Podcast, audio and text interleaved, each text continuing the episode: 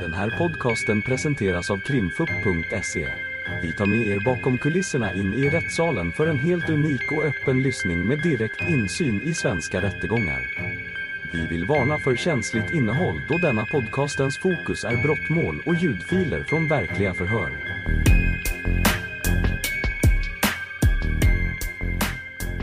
Uh, nu är det ett förhör med målsägaren Aras Fartash Karkai.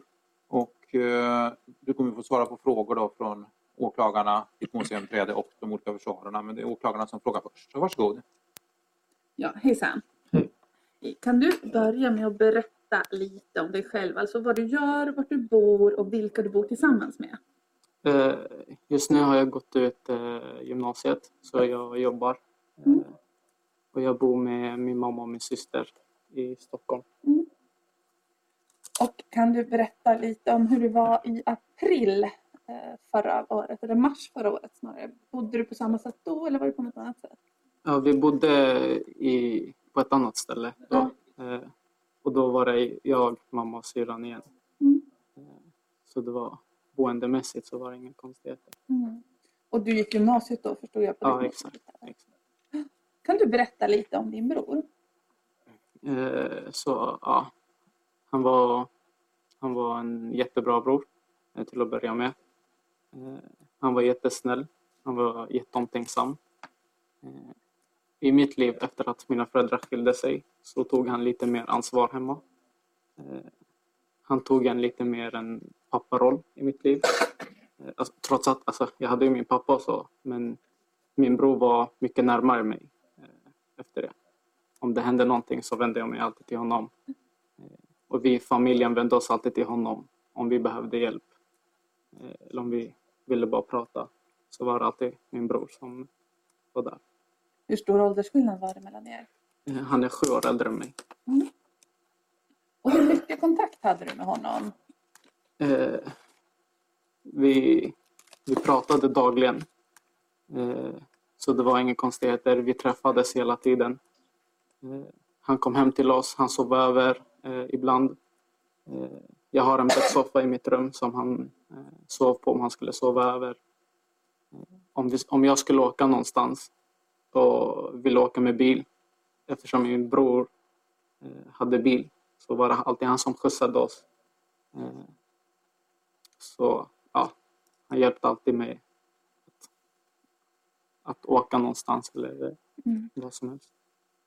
Jag tänker i slutet på mars, alltså före den 24 Mm. mars. Hur mycket kontakt hade du då? Var det samma eller var det på något annat sätt?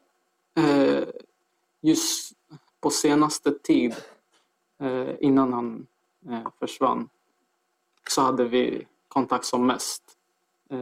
Och det var lite mer för att jag, jag, jag han fyller år i samma månad så vi skulle fira det tillsammans. Och då var han hemma hos oss och vi firade. Allt var jättebra. Och eh, jag skulle hjälpa honom att söka jobb där jag jobbar eh, som väktare. Och då hade jag pratat med min chef om att min bror också vill jobba och om han kunde hjälpa. Så jag han hade som mest kontakt eh, på senaste tid. Hur tyckte du att han verkade må? Alltså hur var han i sättet? Eh, han mådde jättebra. Eh, det var inga konstigheter. Och som sagt, eh, på senaste tid så hade jag pratat med min chef om att han ska börja jobba med mig som väktare. Eh, och just den dagen, den 24, så hade han fått svar från min chef om att, att de ska träffas och att han hade hört att min bror ville jobba.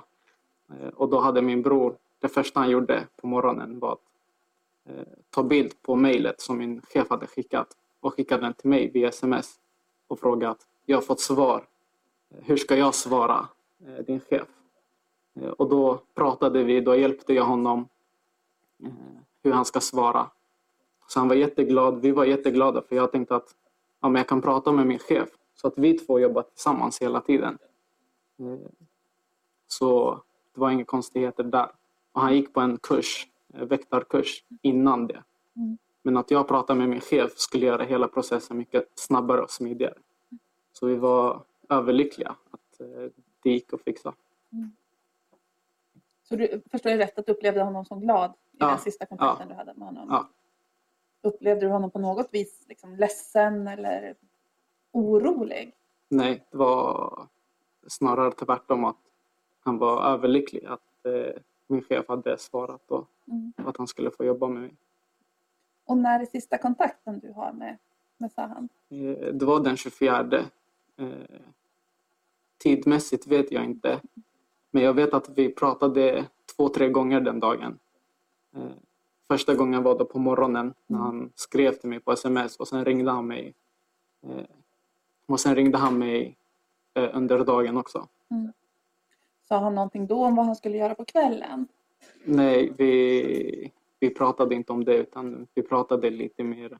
Jag och min bror vi skämtar alltid med varandra eh, och driver med varandra. Eh, så han ringde mig och vi bara skämtade, vi bara pratade. Alltså, det var ingenting eh, konstigt. Och han skulle, vi pratade lite mer om, så här, inte om den kvällen, men alltså, om framtiden.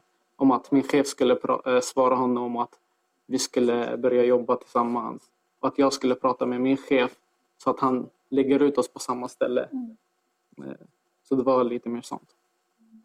Vet du någonting om, om han hade några fiender, alltså några ovänner, några som ville honom illa? Nej. Inga. Det, alla hans vänner också, de, alla gillar honom i hans eh, närhet. Eh, Det finns ingen som ogillar honom.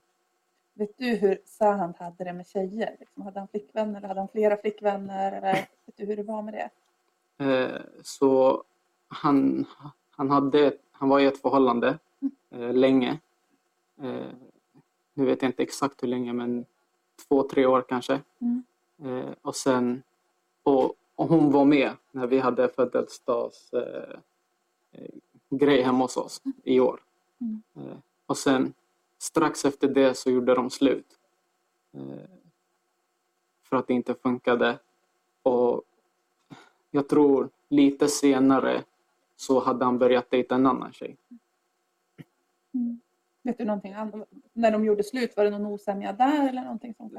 Ja, Det, det var för att den tjejen tidigare, hon hade flyttat ut till Sollentuna. Mm. Och det var, nej, inte Sollentuna, Sundsvall tror jag det. Eh, och då pratade jag mycket med min bror. Han frågade mig om tips på vad han ska göra. För han tyckte att distansen var jobbig. Att, eh, att han inte skulle klara av det. Eh, så det var, de var lite, inte osams, men de funderade på om det kommer funka eller inte i framtiden. Mm. Eh, och hon hade lovat honom att hon skulle komma. Så det var därför han kom på eh, vår födelsedag. Men förstår jag det rätt att det var liksom inte ett, eh, att de inte var arga på varandra när de gjorde slut utan att det mer... Nej, exakt. De, de var inte arga utan båda var överens om att eh, det var distansen som var jobbig. Här den 24 mars, det är sista gången du Mm. pratar med din bror. Hur var tiden efter det för dig?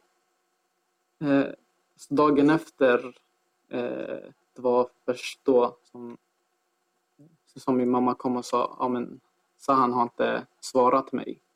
Eh, han skulle komma hem till oss. Mm. Eh, vi skulle gå och handla.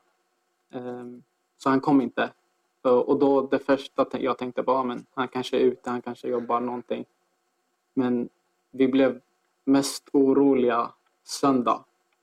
Eh, när han inte hade svarat oss på två dagar. Mm. Det var då vi blev oroliga. För det var inte typiskt honom att inte svara oss. För som sagt, vi pratade dagligen. så det var, det var ett stort chock för oss när han inte hade svarat oss på två dagar utan att säga någonting. Mm. Vad trodde du hade hänt då? Eh, först trodde jag, min ärligaste tanke, det första var att han kanske har gått på kryssning och inte sagt till oss. Mm. Eh, för han brukade förut i alla fall gå på kryssningar Mm. eh, med sin vän. Eh, så det var det första jag tänkte, ah, men han kanske är på kryssning och inte har täckning alls. För vi kunde inte nå honom via telefon. Men och sen, jag bara nej men då skulle han sagt det till oss att ja, men jag ska gå på kryssning eller säga till mig åtminstone att jag ska på kryssning. Så det var, det var lite de tankarna jag hade i början. Mm. Men det var på måndagen där som, eller natten till måndagen som vi anmälde eh, honom som försvunnen. Och hur var det för dig? Hur kändes det? Eh, för mig var det chock. Jag blev väckt av eh, polisen mitt i natten. För det var han kompisen som hade anmält detta. Och jag hade skola dagen efter så jag skulle sova tidigt. Och då blev jag väckt av polisen och säger att din bror är anmäld försvunnen. Och då, då blev det som en så här, li- lite mer, alltså början på chocken. Hur kommer det sig att inte ni anmälde honom försvunnen? Jag tänkte anmäla honom på måndagen. Ja. Eh, för då hade det gått över 48 timmar och vi hade inte fått svar från honom eh, på tre dagar. Eh, men på söndagen var jag fortfarande lite, ja men han kanske är bara ute med sina vänner, han kanske jobbar, han kanske inte har tid. Eh, men jag var orolig när jag la mig Mm. Eh, på söndagen i alla fall. Eh, och sen att eh, bli väckt av polisen och säga ja, att din bror är anmäld försvunnen av kompisen. Då alltså, jag, jag kände ja, alltså jag skulle också anmäla. Mm. Så jag var, jag var ungefär i samma banor. Mm. Och hur var perioden efter det? Från, från det här 27 när det anmäldes och fram till den 1 april? När Eh? Vi, hela familjen och kompisen, alltså vi hade fortfarande hopp. Eh, Vi trodde bara att han hade försvunnit eller att han kanske hade blivit kidnappad, någonting. Mm. Eh, Men vi hade inte en minsta lilla tanke om att eh, han hade mördats. Så vi var ute, vi åkte runt till vänner. Vi försökte så här, få svar, så här, vart är han? Men vi fick inga svar. Mm. När ni tänkte att han hade kidnappats, varför skulle han bli kidnappad? Nej, alltså det var bara så här massa tankar. Som, alltså, för han, hade, han hade varit borta i tre dagar, Mm. fyra dagar, fem dagar. Eh, och det, och det, alltså, som sagt, det är inte typiskt honom att vara borta.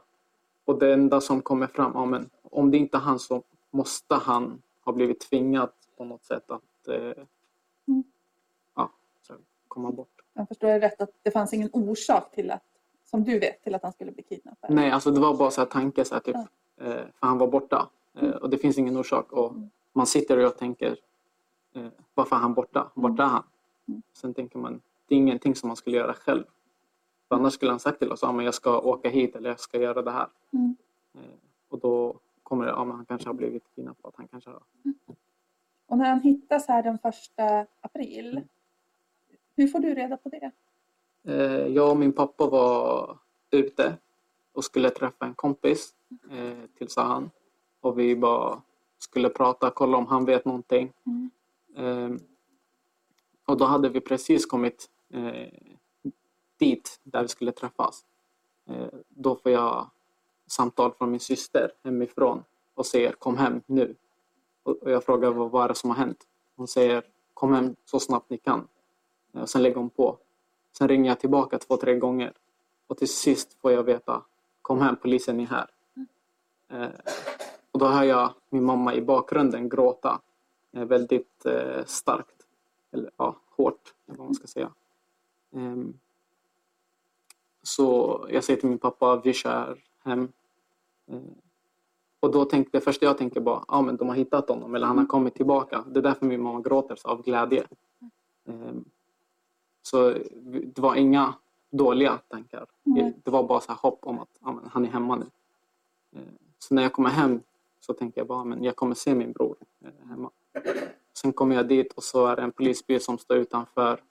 Eh, Och sen hör jag min mamma gråta utifrån. Mm. Och sen springer jag in.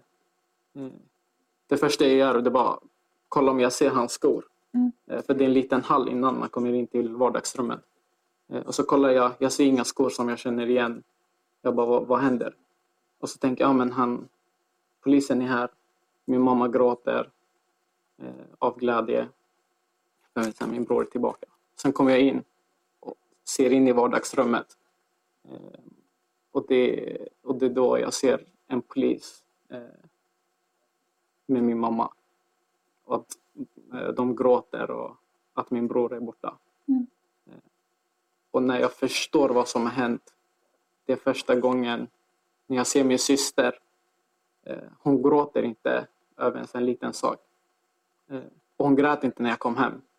Men när jag ser henne i vardagsrummet så börjar hon gråta eh, när vi får ögonkontakt. Och det är då jag förstår att det är någonting dåligt som har hänt. Det, det, och sen sätter jag mig med mamma och ska försöka trösta henne. Men min mamma skriker, slår sig själv eh, av ilska, av sorg. Eh, och sen frågar jag polisen vad har hänt och sen förklarar de för mig att de har hittat en avliden kropp Mm. som med stor sannolikhet är min bror. Mm. Och får du reda på hur han har dött? Nej, inte där då. Nej. Eh, Vi får reda på det eh, lite senare Mm. när vi har förhör med polisen. sen. Okej. Och hur tänker du när du får reda på att han har dött genom hängning? Det, det, det går inte att förklara. Ehm, Det, det är svårt ehm, att säga. Jag, jag blev bara, jag minns bara att jag blev helt, eh, det blev bara helt tomt Mm. när jag fick höra det. Mm. Eh, Jag, jag kunde inte tänka på något utan det blev bara helt, eh, helt blankt. Funderade du någonting på hur det hade gått till? Liksom, om det var han själv som hade gjort det eller om det var någon annan? Eller? Eh, att han själv har gjort det, det är det sista som skulle hända. Det är omöjligt. Eh, med tanke på hur han var den dagen. Mm. Eh, och alltså med den dagen menar jag 24 Mm. när jag pratade med honom sist. Eh, så det, det, det går inte, det går inte, det är omöjligt. Eh, så det första, alltså, någon har gjort det här, eh, kände jag. Mm. Hur har det varit efter det för dig under den här polisutredningen och fram tills idag? Jag, för varje dag har det varit svårare och svårare med tanke på att jag har haft mest ansvar hemma sen min bror eh, eh, försvann. Eh, för mina föräldrar kan inte så bra svenska. Eh, Så det är alltid jag som har pratat med polisen, det är jag som har pratat med advokaten, det är jag som har pratat med eh, begravningsbyrå, det är jag som har pratat med allt och alla. Eh, Och när polisen ska ringa oss och eller när advokaten ska ringa oss och meddela något Mm så är det alltid jag som har fått informationen först för att jag ska kunna eh, tolka det till mina föräldrar. Mm. Eh, Och för varje dag när man får nyare information, eh, nya saker som händer, så blir det bara jobbigare, jobbigare och jobbigare för varje gång. Mm. Så, så för, varje, för varje dag i, inom den här perioden så har jag bara mått sämre och sämre, både psykiskt och, och fysiskt. Att man inte orkar mer. Och, ja. Det blir bara mer och mer att bära på. Mm. Jag vet att du har ju valt att inte vara med i salen när vi har pratat om vissa delar. Mm. Varför har du valt det?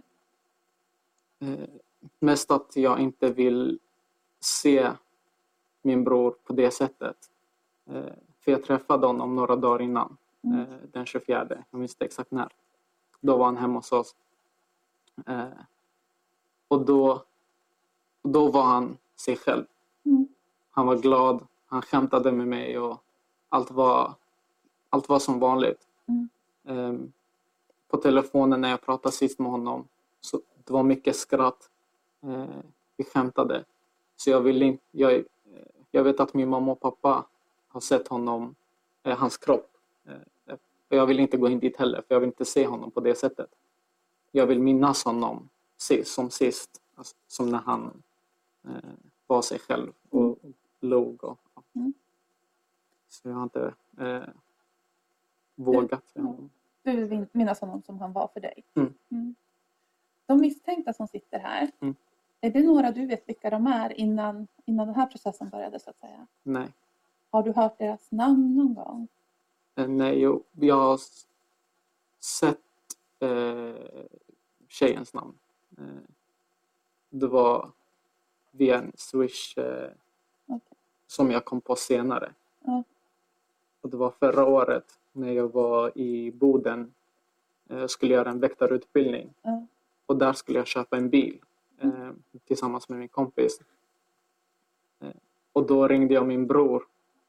Eh, för vi skulle dela på priset. Då ringde jag min bror och sa Kan du swisha den här mannen 6 000 kronor Mm.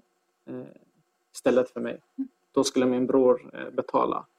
Och sen tog, tog han en screenshot och skickade den till mig som bevis. Och jag minns att efter att det här hände eh, så gick jag in på min, eh, på min sms eh, med min bror och bara gick igenom. Mm. Och där såg jag den här swish eh, och då såg jag eh, hennes namn.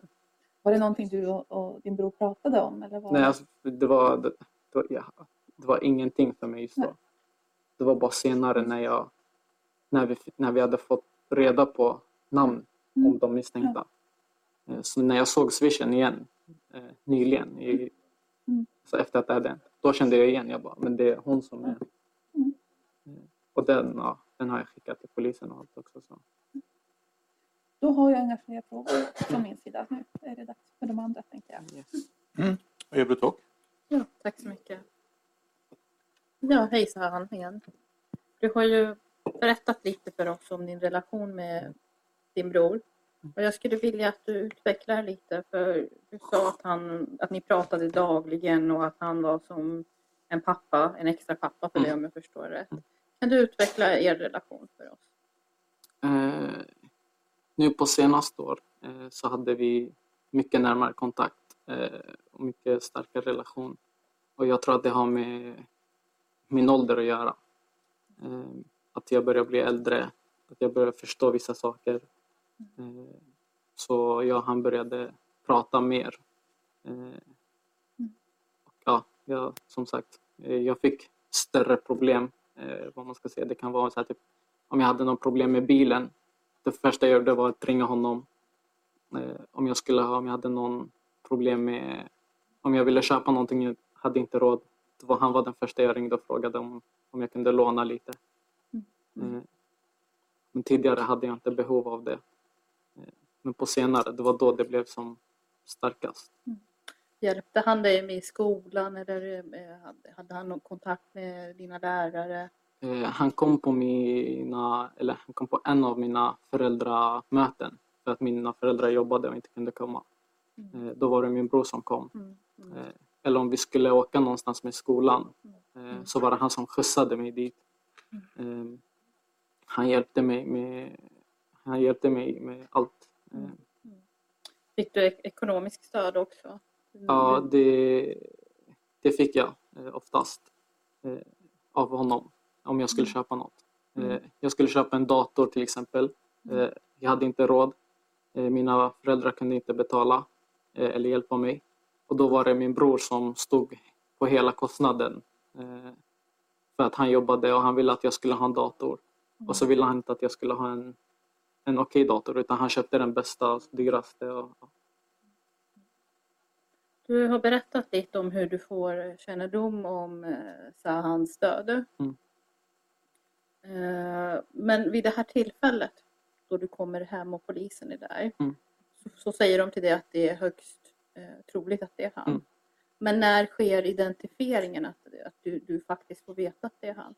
Eh, Så tills att det blev 100 procent så hade vi fortfarande hopp om att det inte var han. Eh, Om att det kom, de kanske hade hittat någon annan eller någonting. Eh, Och sen var vi på ett förhör med polisen. Eller det var här informationsmöte där de skulle ge oss information och så. Eh, Och det var då vi frågade om, eh, om det var han eller inte. Då sa de att det med stor sannolikhet är han. Och då försökte, det, försökte vi identifiera honom med eh, saker han hade på sig, eller saker han brukar ha på sig. Eh, och sen har han tatuering eh, på förarmen, eh, på högra förarmen. Eh, och sen sa vi, ja men han har en tatuering, vi visade en bild. Och då sa polisen att eh, ja, men det är han. För att eh, samma tatuering finns på eh, kroppen. Är det du som eh, ger de här kännetecknen Mm. till polisen? Ja exakt, det var jag som eh, berättade om tatueringen. Han har en födelsedagsmärke mellan fingrarna på vänstra handen. Berättade om den och eh, så det var jag som gav alla. Och, då, och då får ni bekräftat Mm. att det Att det är han. överensstämmer? Och det är då som vi 100% blir säkra på att det är han. Och det är då det börjar bli verkligt. Och vad är det du känner just i det ögonblicket när du faktiskt vet att det är din bror? sam, samma sak där att det, det blir helt tomt. Eh, jag, jag, tror inte på det. Eh, jag, jag, jag har fortfarande en känsla av att det inte är han. Eh, och att polisen kanske har fel eller eh, jag har fortfarande eh, hopp, eller vad man ska säga, om att eh, min bror fortfarande är kvar. Är det så du känner idag eller var det det du kände då? Lite både och. Eh, ibland kommer han till mina drömmar och då lever han. Eh, och då är han med oss och då är vi glada. Eh, så det känns fortfarande lite som att, att det är bara så här som ett spel eller vad man ska säga. Det, det är inte verkligt. Mm. Mm. Hur hanterade du den här första chocken? Jag fick inte mycket tid att hantera det för att jag skulle vara behjälplig till mina föräldrar som mådde som sämst. Mm. Så jag har fått bearbeta det här lite senare. Eh, för mitt fokus har varit att eh, mina föräldrar ska må bättre. Den här tiden det har ju varit ett väldigt stort psykiskt lidande för mm. er. Det är allt ni har fått mm. gå igenom. Har, har, du eller någon av i din familj fått stöd för det här? Eh, vi har pratat med några Eh, jag har pratat med skolkuratorn eh, för det började gå dåligt i skolan på grund av stressen, ångesten man har på grund av att man inte kan få lika mycket sömn hemma. det var mitt sista år som sagt och då hade jag många nationella prov. Jag hade många inlämningar, många, mycket, mycket i skolan. Mm. Mm. Så det var stressen av det och sen att eh, när man kom in hem till oss eh, så var det en helt så här, mörkt och så här, sorglig så här, stämning hemma. Eh, det kändes nästan konstigt att så här, skratta eller skämta. För det, det var det kändes bara fel när min bror inte var eh, med oss. Och, eh, skolkuratorn har du pratat med. Mm. Vi har ju också gett in intyg. Men mm. kan, du, kan du, om du vill, berätta lite för oss vad det är ni har pratat om? Eh, vi har mest pratat om hur det går i skolan med mm. allt det här. Hur jag har eh, påverkats till det sämre. Mm. Eh, och om det finns någon hjälp. Och de har hjälpt mig några gånger med proven. Jag har fått skriva i ett särskilt rum där jag får mm. lite extra tid på mig. Mm. Eh, där jag kan gå ut och ta frisk luft om jag vill det när som helst. Mm. Eh, jag blev erbjuden att skriva vissa prov senare än vad var deadline för till exempel. Och ja, det, så vi har pratat med skolkuratorn och de har hjälpt oss lite. Jag vet att eh, min syster och mina föräldrar har också pratat med vissa personer. Mm, mm. Känner du att du har fått bearbeta det här traumat som eh, du har upplevt? Har ni pratat någonting om det? Eh, nej, som sagt, jag har börjat. Jag hade precis börjat bearbeta det innan eh, det här började. Eh, alltså häktegrejen började. Eh, så nu så behöver jag liksom gå igenom allt det här igen. Mm. Fast mycket, mycket så här hårdare, mycket starkare. Ja, du menar att du hade börjat bearbeta ja, exakt. och sen så började huvudförhandlingen? Ja, exakt. Och, och, och, och, vad, och hur kändes det då när det här började komma upp igen? Eh, det var jobbigare än innan. Eh, vi hade precis börjat lära oss att leva med sorgen eller vi försökte lära oss att ja, men, han finns inte längre. Eh, och så kommer allt det här igen. Och här får vi eh, veta mera eh, vad heter det, information om hur det har hänt, mer detaljer. Så det blir mycket jobbigare nu än innan. Mm. Mm. Det var också sista året för dig i skolan. Mm. Och du skulle, du skulle ta studenten, eller mm. du har tagit studenten. Var det någonting som kändes annorlunda det var jättemycket som kändes annorlunda. Eh, så den första april fick vi informationen om att de har hittat en kropp. Eh, och den 4 april skulle jag ha studentmiddag med min klass. Eh, sen skulle vi ha skiva. Och jag hade bjudit min bror på studentmiddagen och han sa att han skulle komma. Eh, så allt var fixat. Det var hans namn som stod på, eh, på listan. Men sen fick vi veta att men, nu har de hittat en kropp som med stor sannolikhet är min bror. Eh, Så där rasade min värld ännu en gång att min bror inte kommer kun- kunna komma på min studentskiva eh, och på middagen. För allas familjer skulle vara där, allas föräldrar skulle vara där. Och jag hade då bjudit in min bror som min vårdnadshavare eller som närstående. Eh, Och sen fick jag veta att han inte kommer kunna närvara. Och sen eh, vår utspring eh, så hade vi planerat, eh, eller mina, min mamma och min bror mest hade planerat att de skulle hyra en restaurang. Eh, där jag skulle eh, ha mottagning. Mina vänner skulle komma, vi skulle fira och så.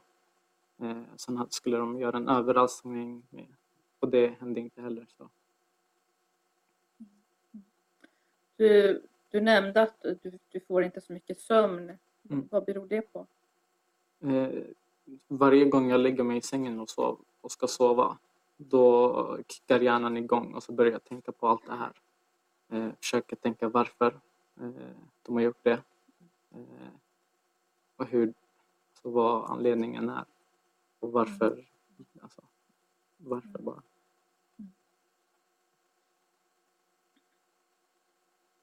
Vad, vad hade din bror för framtidsplaner? Var det någonting ni brukade prata om?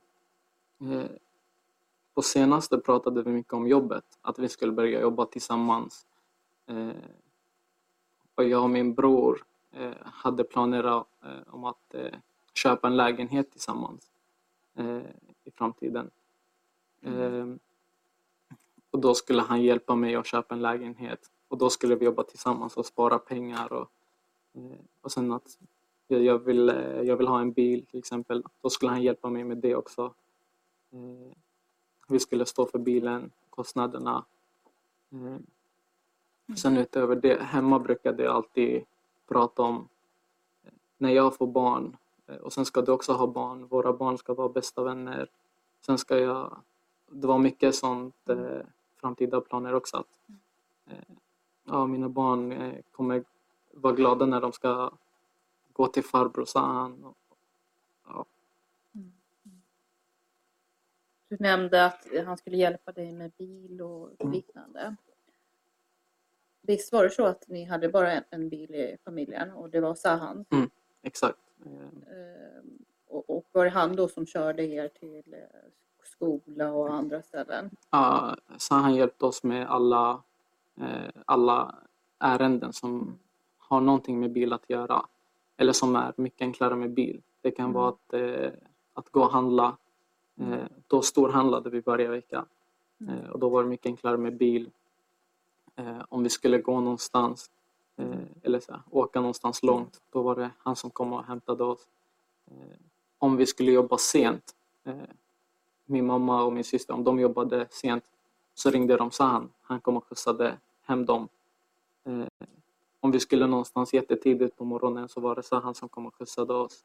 Mm. Eh, sen det kunde vara, vi gick inte ut så jättemycket, familjen. Mm. Eh, och då var det alltid Sahan som kom och tog oss med bilen och åkte. Vi åkte på restaurang, vi kunde åka eh, till ett ställe, så ett fint ställe. Eh, sen vi, vi, om vi skulle åka till Göteborg, så på Liseberg eh, eller så här, vad som helst så var, det alltid min bror som körde oss. Hur, hur gammal är du idag? 19. 19 år. Mm. Du nämnde att du fick ta väldigt mycket ansvar efter eh, din brors eh, bortgång. Mm. Kan, kan du berätta lite för vad, vad det är för ansvar du syftar på? Eh, det var mest som ansvar att ta hand om allt det här. Eh, att ta hand om, att prata med advokat. Om mina föräldrar vill att vill så här, prata med dig till exempel. Mm. Eh, så är det via mig. Det är alltid jag som mejlar dig, det är alltid jag som så här, skriver till dig. Eh, och om du vill någonting med mina föräldrar så säger du det till mig och jag berättar för dem. Eh, och samma sak med polisen i början när vi skulle ha förhör och massa sånt. Så var det alltid via mig det hände. Eh, Och sen att det var jag som skulle gå och prata med en begravningsbyrå. Eh, Det var jag som skulle prata om eh, hur vi ska göra med begravningen. Och det var alltid jag som tog hand om allt det här. Mm. Men utöver det eh, så är det mycket hemma eh, som jag har fått ta över också. Eh, Min mamma behöver hjälp med massa saker. Jag och min bror hade delat det. Så att vi inte fick jättemycket. Men nu när min bror inte finns så har jag tagit över saker som min bror hjälpte min mamma med. Och just i början var det som jobbigast när jag hade skolan, när jag behövde tänka på nationella prov. Och så var det 20 andra saker som jag skulle göra samtidigt. Eh, Och det gav mycket stress, mycket ångest. Eh, Det, gav, det var jättejobbigt eh, psykiskt. Du nämnde att det var du som fick ta hand om det här med begravningen. Mm. Var det du som fick eh, ta kontakt då med begravningsbyrå? Jag tog kontakt med begravningsbyrå, skulle ta kontakt med en imam eftersom vi är muslimer. Eh, och så var det alltid jag som pratade om eh, detaljer och hur vi ska göra och betalningen, hur det ska gå till. Mm. Och gravsten och ceremoni, var det du som eh, också ordnade upp, upp det? Ja, exakt. Eh, ceremonin, eh, det var min pappa som pratade med en restaurang. Men utöver det så var det jag som eh, gjorde allt med begravning och gravsten och allt. Tack så mycket.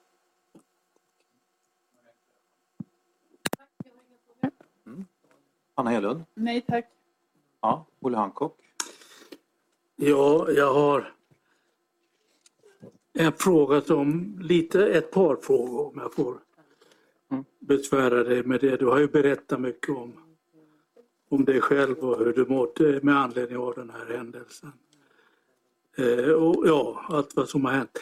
Då har jag bara en fråga. Den här, du nämnde om en flickvän som han hade gjort slut med, eller som det blev, blev slut med. Hon flyttade till Sundsvall. Mm. Var det riktigt uppfattat? Ja. När var det? Det var strax efter den februari 19. Jag vet inte exakt datum. Nej.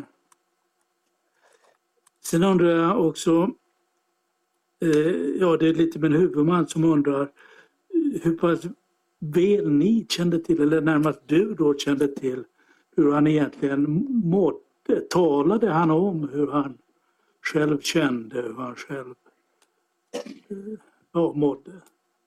Ja, som sagt, eh, han var glad att den 24 fått svar från min chef om att han ska få inkomma oss. Så han var, vi var jätteglada tillsammans. Eh, Så det var ingenting som tydde på att han skulle må dåligt. Nej. Men, men om jag bara får ställa den frågan då. eh, Vet du eller, ja, hur han egentligen mådde innerst inne som man säger? Ja, Talade han om sina innersta känslor? Jag visste hur han mådde innerst inne och innerst inne. Ja. Och hur, hur, hur visste du det så att säga? För Han vi- innerst inne? För vi pratade hela tiden, eh, som sagt dagligen. Eh, så om det skulle hända någonting så var jag den första som han ringde och eh, skulle fråga om råd eller bara ville prata. Eh, och även min mamma som alltid pratade med honom om sånt. Ja. Och vi ingen av oss eh, har fått höra eller fått intryck av att han mår dåligt. Eller.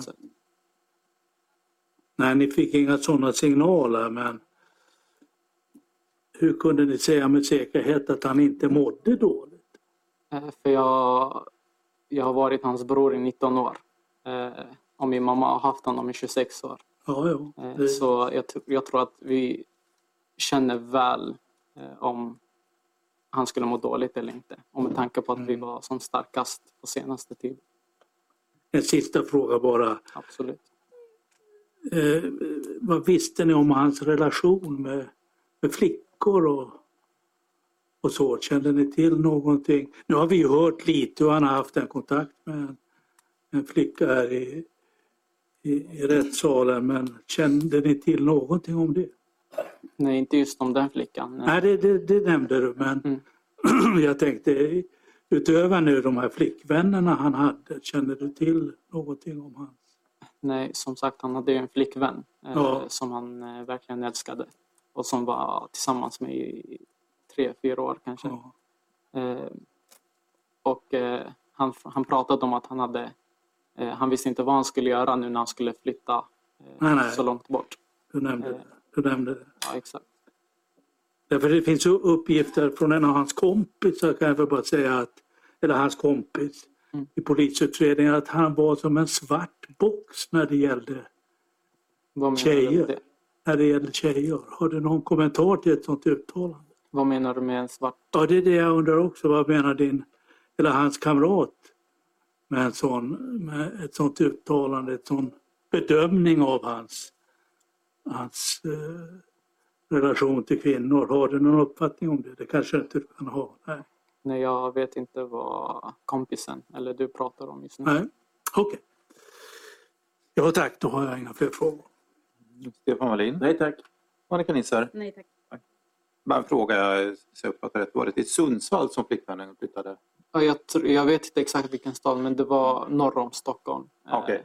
Och det Ja. var långt och då pratade han om att eh, det var distansen som skulle vara Okej, jobbig. ja, ja, eftersom bor det räcker så. Eh, Du har inga fler frågor? Nej. Då stänger vi av inspelningen. Tack. Ni har lyssnat på ett avsnitt av Krimfupps podcast. Tipsa gärna oss på krimfupp.se om det är någon speciell rättegång ni skulle vilja höra. Tack för att ni har lyssnat.